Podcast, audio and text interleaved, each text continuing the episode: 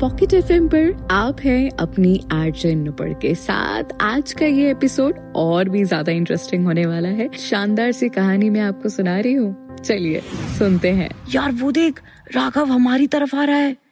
Oh shit यार, अगर ये यहाँ आ गया तो पक्का हमें पागल करके छोड़ेगा। बहुत दिमाग खाता है ये। चल, जल्दी से अपना बैग उठा और वापस रूम में चल। प्राची मधु की ये बात सुनकर चेयर पर से अपना बैग उठाती है। वो दोनों अपने खाने की प्लेट टेबल पर वैसी की वैसी छोड़कर जाने लगते हैं। सामने से आ रहा राघव जब उन्हें जाते हुए देखता है तो वहीं से चिल्लाकर कहता है कि अरे मधु, मैं आज पकाने नहीं आया, बस थोड़ी सी डाउट क्लियर करने दो। ये सुनकर मधु गुस्से में राघव की ओर देखती है और अपना बैग चेयर पर फेंक कर बैठ जाती है। यार मधु सुनो ना ये सारे डाउट क्लियर कर दो। हाँ बिल्कुल। और कोई काम तो है नहीं मेरे पास। जो तुम्हारे सारे डाउट क्लियर करूँ। मधु ने ऐड कर जवाब दिया। मधु के मुँह से ऐसा जवाब सुनकर राघव एक पल को हिचकिचाया, पर वो मधु के बर्ताव से पहले से ही रूबरू था। उसे पता था कि मधु को कैसे मनाना है और अपना काम कैसे निकलवाना है। डाउट ही तो क्लियर कर रहा हूँ, और कुछ कहने की औकात भी तो नहीं है तेरी।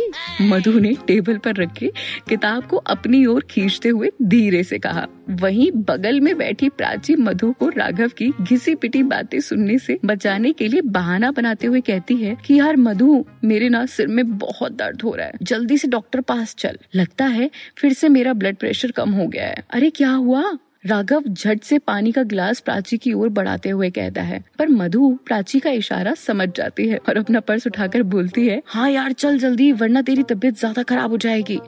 मधु को ऐसा करते देख राघव झट से बोलता है, पर मेरे डाउट तो क्लियर करती जाओ। राघव जैसे ही बात खत्म करता है, उसके सामने से उनकी बहन आयशा आते हुए दिखती है। वो आयशा से बचने के लिए अपनी नज़रें टेबल की सीट में झुका लेता है। अरे, तुम्हारे डाउट से ज़्यादा ज़रूरी मेरी फ्रेंड की तबीयत है। बाद में मिलती हूँ, फिर तुम्हारे सारे डाउट क्लियर कर दूँगी। ये कहकर मधु प्राची को लेकर वहाँ से निकल जाती है। उन दोनों को जाते देख राघव वहीं बैठा बैठा अपने आप में बड़बड़ाते हुए कहता है, कब तक भागोगी मधु मुझसे?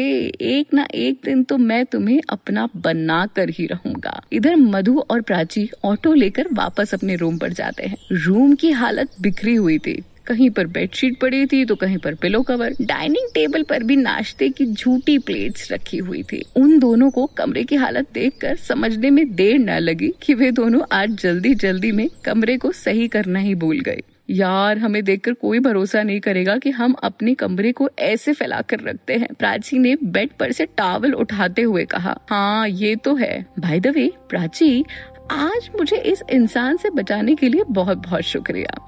मधु ने डाइनिंग टेबल पर से प्लेट्स उठाते हुए किचन की ओर बढ़ते हुए कहा, अरे यार, अब तो मुझसे शुक्रिया कहकर मुझे शर्मिंदा ना करो। हम दोनों ही एक दूसरे की मदद नहीं करेंगे तो कौन करेगा? पर एक बात बता राघव क्यों तेरे पीछे पड़ा रहता है? प्राची के मुँह से ये सवाल सुनकर मधु एक गहरी सी सांस लेकर बोली कि कुछ नहीं यार, वो मुझ पर सीधी सीधी लाइन मारता है और मैं उसे भाव नहीं देना चाहती। प्राची मधु से ये जवाब सुनकर दो मिनट चुपचाप खड़ी रही और फिर कपड़े से टेबल साफ़ करती हुई बोली, क्यों? क्या बुराई है उसमें? प्राची, तुझे पता है ना कि मैं निखिल से प्यार करती हूँ। मधु के मुँह से ये बात सुनकर प्राची जैसे चौक सी गई। उसे समझ नहीं आ रहा था कि आज छह महीनों बाद निखिल का नाम मधु की ज़ुबान पर कैसे आ गया।